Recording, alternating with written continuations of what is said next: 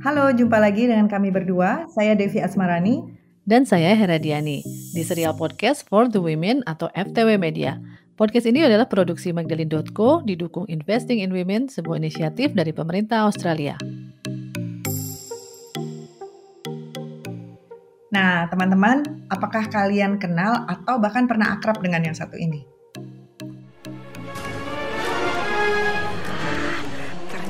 Si Pak Hadi lagi kesulitan uang. Pasti usaha kecapnya bentar lagi pasti tutup. Yes, baguslah. Untung kan buat saya. Mama ngapain di sini?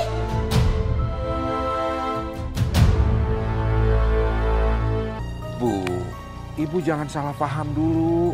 Karin itu tadi pingsan, Bu. Dan dia baru bangun setelah Bapak bawa ke kamar. Insya Allah, Pak. Aku masih percaya sama kamu.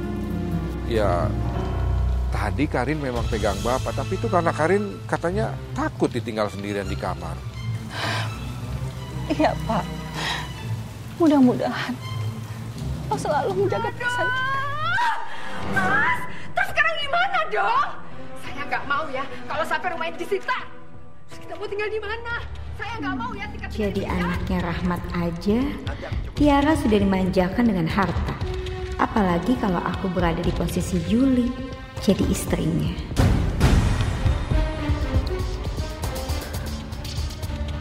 Gue yakin, istri Rahmat itu pasti lemah.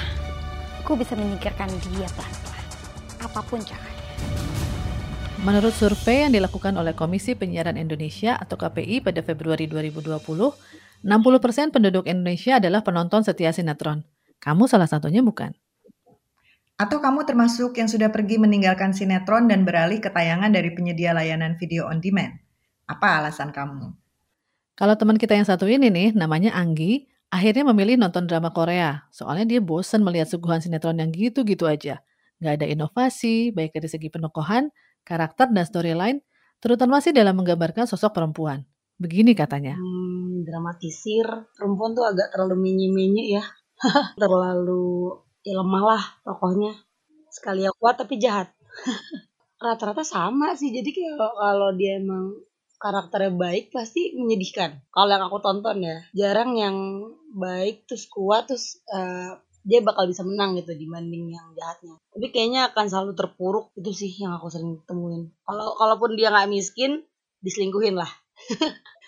Nggak jauh-jauh dari itu itu aja karakternya. Kan bisa aja dibuat karakternya dia dia perempuan kuat dia kaya ya udah konfliknya boleh lah selingkuh drama-drama penting lah. Cuman kayak udah paten gitu.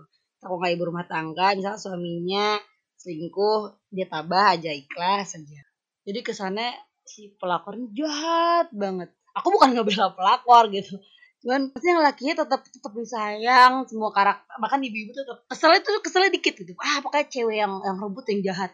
Padahal kan selingkuh maksudnya dua arah ya. Jadi kan jadi ceweknya lagi nih salahin cewek lagi. Kalau di drama Korea lebih variatif sih. Karena aku nonton juga nggak satu ya. Jadi sedih pasti ada kisah sedihnya. Cuman eh, dia tuh bisa satu satu perempuan karakter satu perempuan tuh bisa kuat gitu. Bisa nggak nggak cuma dia sedih doang tapi dia bisa nunjukin sisi sisi kuatnya gitu sebagai perempuan ya yang aku lihat. Dia disakitin tapi dia tuh punya trik atau cara yang kita sebagai perempuan iya ya bisa loh. Kayak gini lo balas dendamnya. Nggak harus yang menye-menye nggak harus nangis-nangis mohon-mohon. Tapi bisa loh ngelakuin kayak lo bangkit atau ya lo nunjukin lo tuh bisa ngelawan tanpa harus jahat itu sih yang aku suka Sebagian milenial, khususnya yang lahir di era 80-an, mungkin masih ingat ketika dekade 80 sampai 90-an, layar kaca kita diwarnai dengan beragam sinetron berkualitas. Saat itu sinetron memang digarap dengan sangat matang. Serial-serial ini juga belum disebut sinetron sih, eh, masih disebut drama TV ya. Bukan. Ah, saya Bu Broto. Ibunya Purwati. Kalau Anda perlu sama Pur bisa bicara dengan saya nanti saya sampaikan. Seperti klip yang barusan kita simak, judulnya Lost Man. Ceritanya tentang keluarga yang hidup harmonis bersama para penghuni Lost Man yang dikelola oleh Bu Broto di Yogyakarta. Sinetron ini digarap para jagoan teater, Tati Maliati bersama suaminya Wahyu Sihombing, menghadirkan para pemain yang bagus pada zamannya, seperti Mika Wijaya, Agus Melas, Matias Mucus, Dewi Yul, sampai Ida Leman. Kesederhanaan kisah dan kedekatan keseharian masyarakat Indonesia dengan serial ini membuat Lost Man jadi salah satu tayangan yang paling ditunggu-tunggu. Waktu siarnya waktu itu cuma sekali dalam sebulan, jadi penonton waktu itu harus sabar nunggu episode terbaru. Jadi nggak ada binge watching ya zaman itu. Selain Lost Man, ada Aku Cinta Indonesia atau ACI. Siapa yang masih inget nih? Banyak nilai-nilai mengenai kerja keras, tanggung jawab, kerjasama, sampai toleransi yang tersalur lewat sinetron yang mengangkat tema kehidupan di sekolah. Oh iya, ada itu juga Dev, sinetron Keluarga Rahmat. Nah, ada tokoh legendaris namanya Bu Subangun yang fenomenal itu. Ceritanya ya tetap dekatlah dengan keseharian. Konfliknya juga masih relatable ya, masih masuk akal. Nah, beranjak ke tahun 90-an, ketika saluran TV tidak hanya TV RI, sudah ada TV swasta. Jadi makin beragam deh itu sinetronnya. Beragam juga tema yang diangkat. Frekuensi penayangan juga mulai lebih sering, seminggu sekali biasanya. Sinetron bertema keluarga masih ada, misalnya Sidul Anak Sekolahan. Tapi sinetron bertemakan drama cinta juga mulai banyak, seperti Noktah Merah Perkawinan, juga ada sinetron remaja yang segar macam Lupus, hingga sinetron fantasi macam Jin dan Jun. Rame ya? Nah, akhir dekade 90-an muncul tuh Tersanjung, sinetron tema romansa dewasa yang melankolis, super melodramatis dan penuh derar air mata. Siapa yang nonton sinetron ini? Indah si protagonis dalam sinetron ini digambarkan kelewat pasif dan terima aja dijahatin semua orang. Aduh. Rasa-rasanya ya sejak saat itu sinetron nggak lagi jadi tontonan hiburan yang bersahaja atau penuh makna. Soalnya mulai menghadirkan intrik-intrik cinta segitiga dan kehidupan keluarga yang penuh kekerasan. Nah, makin ke sini rasanya makin mengganggu. Sebab kok perempuan dalam tayangan sinetron digambarkan bermasalah betul ya? Pasrah, tukang gosip, materialistis, perayu, pelakor, mertua galak, dan sebagainya. Ya seperti kata si Anggi tadi. Dan ternyata Anggi nggak sendiri. Seorang produser film namanya Dwitri Amalia pernah melakukan riset tentang perilaku penonton televisi. Saat itu dia bekerja di Center for Innovation Policy and Governance. Riset yang dilakukan merupakan riset etnografi dengan metode kualitatif tentang industri media. Judulnya, Televisi Indonesia, Dinamika Struktur dan Halayak. Duitri memotret bagaimana penonton merespon tayangan sinetron. Bersama rekannya, dia menetap selama sebulan di satu keluarga ke keluarga yang lain untuk melihat dan mendengar langsung. Ya, nemenin mereka nonton gitu. Riset ini dilakukan terhadap 12 rumah tangga di DKI Jakarta, Jawa Barat, dan Nusa Tenggara Timur. Menyasar segmen urban dan rural. Apa aja sih temuannya? Mereka tidak pasif. Jadi um, penonton itu punya celutukan-celutukan di belakang TV ya. Ada komentar misalkan mempertanyakan gitu ini real nggak sih? Ini bener nggak sih? Emang emang kayak gitu ya hidup tuh gitu. Kalau misalkan lagi nonton sinetron misalkan kok ceweknya kayak gitu sih? Gitu kan kayak um, aku nggak relate misalkan kayak gitu. Jadi ada celutukan-celutukan yang terjadi di depan televisi saat penonton itu uh, menonton itu temuan-temuan yang paling berharga sih karena belum pernah ada yang sebetulnya capture itu ya. Di media kan um, barometernya adalah rating ya. Rating itu kan sangat kuantitatif. Um, saat itu lagi populer sinetron yang judulnya catatan hati seorang istri. Uh, kita sempat ke satu keluarga ibunya menonton. Habis itu um, ketukannya adalah wah istrinya sabar banget ya padahal udah diselingkuhin sama suaminya uh, apa udah berkali-kali diselingkuhin tapi kok masih tetap tabah gitu ya.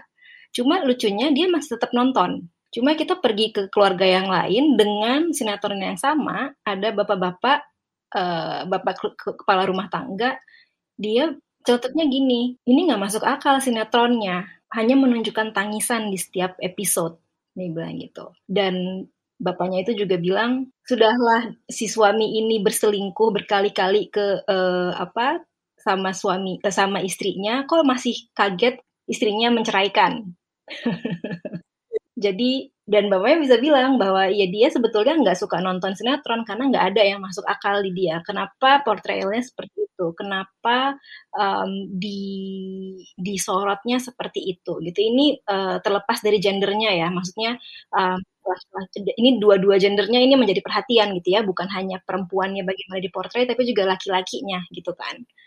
Uh, banyak sekali yang memang uh, dari keluarga-keluarga itu yang memang juga bilang gitu kita nggak suka nonton sinetron karena nggak bisa relate gitu kan ya kecewa tapi uh, ada yang lanjut nonton ada yang betulan berhenti nonton gitu. Kalau yang lanjut nonton itu biasanya di suburban sama di rural, karena mereka nggak punya pilihan lain gitu. Hiburan mereka ya hanya itu-itu saja karena ini bersangkutan dengan akses media yang sangat terbatas ya. Mungkin kalau kita pikir di Jakarta kayak kita gampang ya. Kalau oke okay, kalau kita nggak suka sama sinetron kita bisa pindah ke Netflix sekarang gitu ya.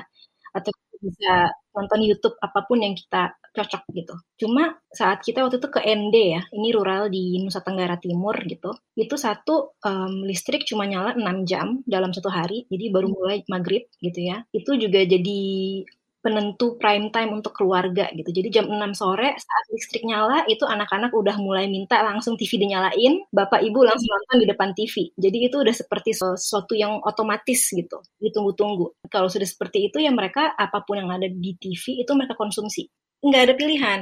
Kalau yang di urban rata-rata mereka memang nggak ada nonton sinetron kenapa? Karena mereka tahu uh, sinetron sudah tidak cocok lagi dengan cara lifestyle hidupnya dan kalaupun mereka nonton series atau drama, memang mereka nontonnya Korean drama. Jadi di tempat-tempat yang memang punya akses dan punya pilihan, mereka akan meninggalkan konten-konten yang sudah tidak relevan lagi sama mereka.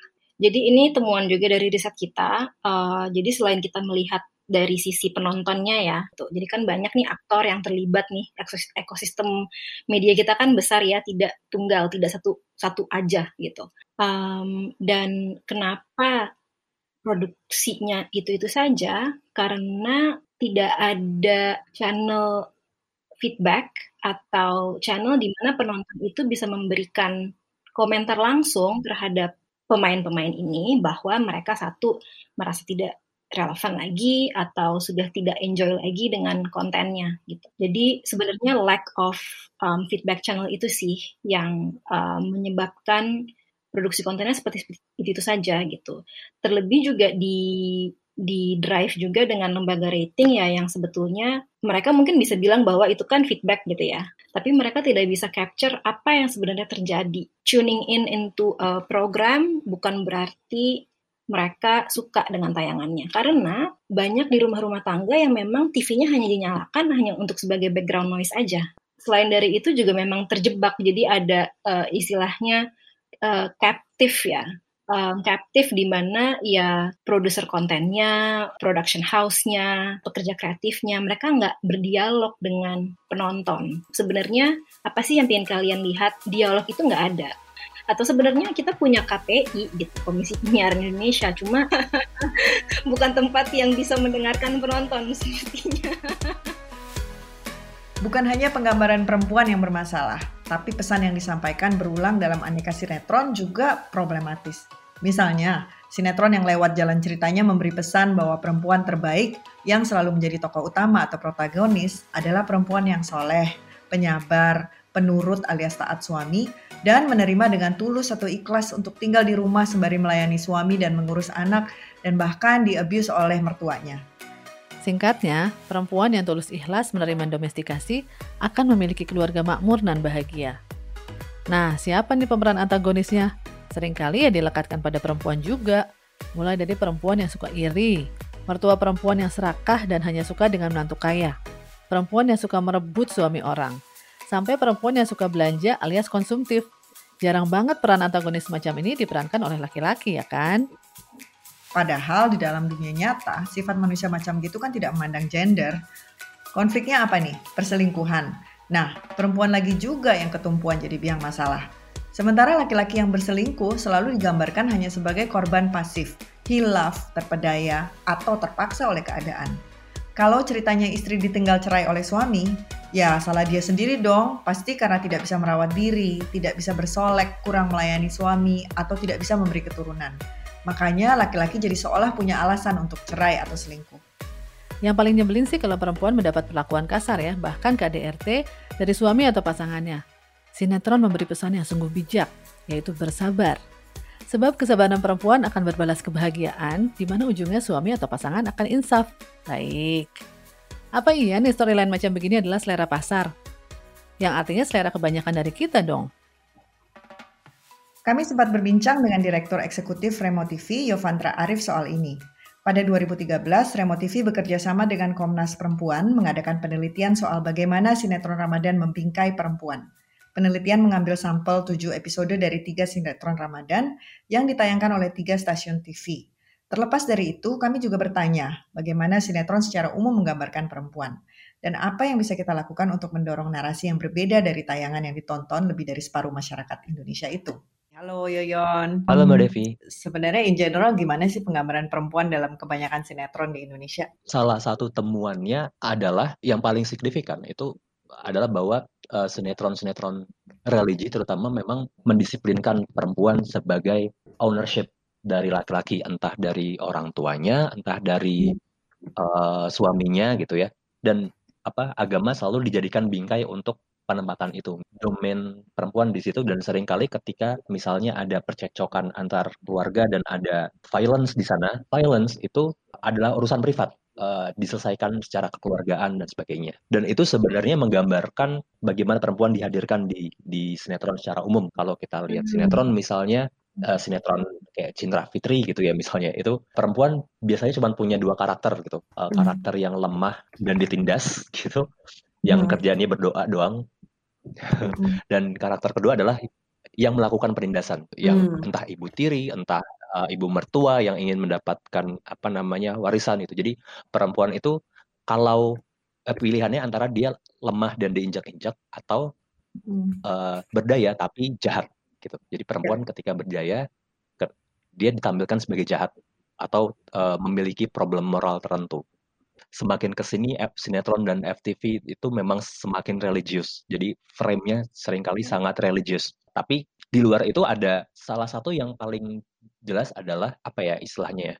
Uh, perempuan memang sangat didefinisikan oleh laki-laki. Jadi pikirannya, kegelisahannya gitu kalau melihat setiap adegan dalam sinetron itu selalu tentang laki-laki entah dia marah, cemburu, uh, selalu dalam hubungan percintaan. Sementara kalau laki-laki punya kehidupan publik, punya ya dia harus ngantor, dia punya persaingan dengan uh, sesama laki-laki lain soal hal-hal lain. Uh, laki-laki sering kali punya concern di luar perempuan. Sementara perempuan concernnya selalu laki-laki. Bagaimana memuaskan, bagaimana memperoleh uh, perhatian dari love interest mereka. Nah, uh, ini kan sebenarnya zaman udah modern ya. Tapi kenapa sinetron dengan stereotipe ini masih diproduksi gitu? Masih malah malah tadi kata Yoyon malah sekarang dengan framing religi kan juga semakin banyak gitu. Artinya stereotipe ini kemungkinan besar masih dipakai gitu. Itu kenapa tuh ya? Ada beberapa penjelasan. Salah satu hal yang paling utama sebenarnya scriptwriter memang kebanyakan cowok. Hmm, uh, okay. Itu menjelaskan banyak banyak hal gitu uh, idealisasi soal bagaimana relasi gendernya itu biasanya memang seperti itu. Tentu ada ya, maksudnya tidak menutup kemungkinan cowok bikin karakter cewek yang bagus. Tapi mm -hmm.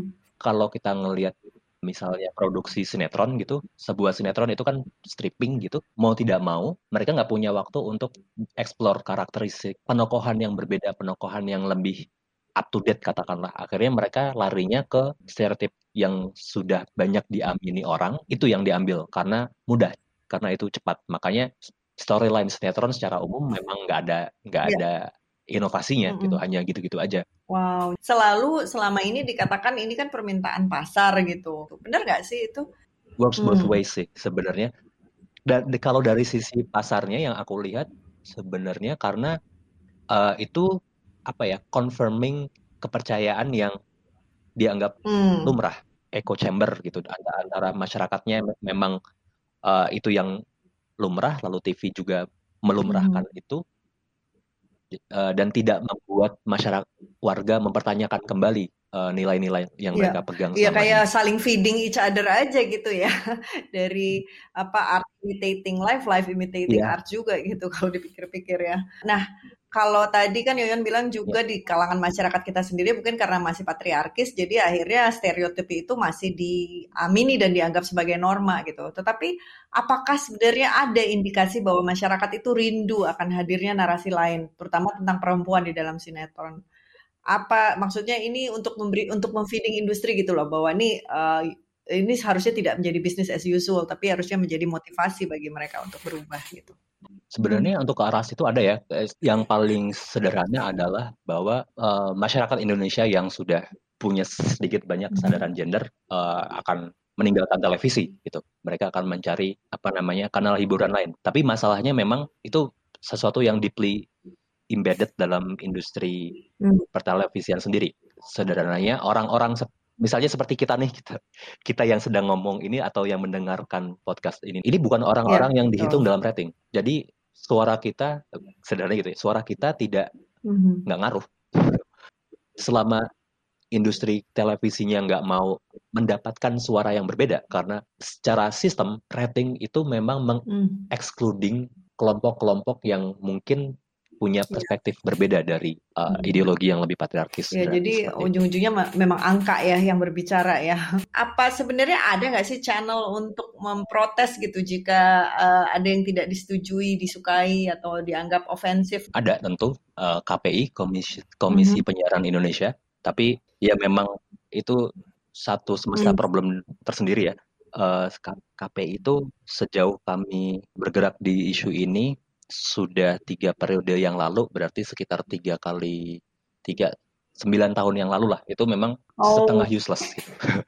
Artinya Mhm. banyak aduan yang masuk, uh, banyak protes yang dilayangkan, uh, tapi yang paling menggerakkan mereka adalah angka juga. Jadi KPI pun bergerak dengan angka. Semakin banyak, kalau ada banyak yang protes, dia Mhm. baru mau bergerak. Padahal sebenarnya amanatnya undang-undang atas KPI adalah dia melakukan pemantauan uh, sendiri gitu. Dan kalau mereka menemukan problem, mereka harus menindaknya, memberikan sanksi dan sebagainya. Tapi semakin ke sini yang terjadi adalah tunggu banyak Hmm. orang yang protes dulu. Kalau udah masuk dia di korupsi, baru mereka bergerak. Sementara susah juga ya masuk di itu Corbusier ya. technically apa yang terjadi kemarin. Iya, sementara untuk masuk ke Deddy Corbuzier juga susah gitu. Dan itu sangat bermasalah dong kalau misalnya kita Betul. menjadikan Deddy sebagai Betul. apa patokan KPI bertindak itu ngaco banget. Berhubungan dengan ini nih, kita sebagai konsumer media, ini kan eh, apa namanya podcast ini kan tentang bagaimana sih kita bisa mengedukasi diri kita sendiri sebagai konsumen media. Apa kira-kira yang bisa kita lakukan untuk mendorong perubahan ini? Sebenarnya banyak orang yang merasa resah tapi tidak eh, Hmm. tidak bersuara gitu. Jadi basically ya make Hmm. yourself heard gitu ya. Kita bisa misalnya memperbanyak campaign soal itu. Eh, cara paling sederhananya adalah kayak ada banyak akun-akun shit posting atau meme gitu yang suka mengkomentari sinetron Iya. sinetron yang aneh gitu ya. Untuk memberi raising awareness aja oh cara pandang seperti ini bermasalah loh. Eh, kanal-kanal alternatif itu bisa diperbanyak itu intervensi-intervensi yang bisa dilakukan. Karena kalau mau memaksa raksasa industri besar ini berubah itu hambatannya Ya. sangat besar bisa pakai strategi mengelilingi Hmm. dari yang kecil-kecil dari bikin acara. That's a good idea. Itu satu. Eh, benar. Apa come up dengan tandingannya lah gitu ya, tapi dengan versi yang lebih baik. Apakah masih bisa kita ngelihat sinetron sebagai produk industri hiburan semata yang nggak berpengaruh atau berdampak pada kehidupan penontonnya?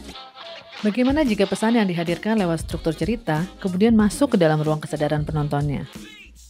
Bagaimana jika penonton yang terbawa emosi itu kemudian mengadopsi dan menginternalisasi nilai-nilai dan cara pandang dan perilaku yang dipromosikan dalam produk-produk sinetron itu? Apakah separuh penduduk Indonesia yang masih nonton sinetron karena mungkin tidak punya pilihan lain itu adalah angka yang kecil, sehingga pertanyaan-pertanyaan ini kemudian terdengar berlebihan? Rasanya sih wajar jika kita mendorong agar frekuensi publik itu menghadirkan tayangan yang lebih berkualitas, terutama dalam mempersepsikan perempuan di dalam cerita-cerita yang mereka suguhkan. Nah, komentarmu terkait bahasan ini bisa disampaikan melalui email ke editor@magdalene.co atau DM kita aja di Instagram dan Twitter di @magdaleneid atau @magdalenspodcast. Saya Hera Diani. Dan saya Devi Asmarani, terima kasih sudah mendengarkan For the Women Media. Podcast ini diproduksi oleh Magdalene, didukung Investing in Women, sebuah inisiatif dari pemerintah Australia. Kita jumpa lagi pekan depan. Bye! Bye.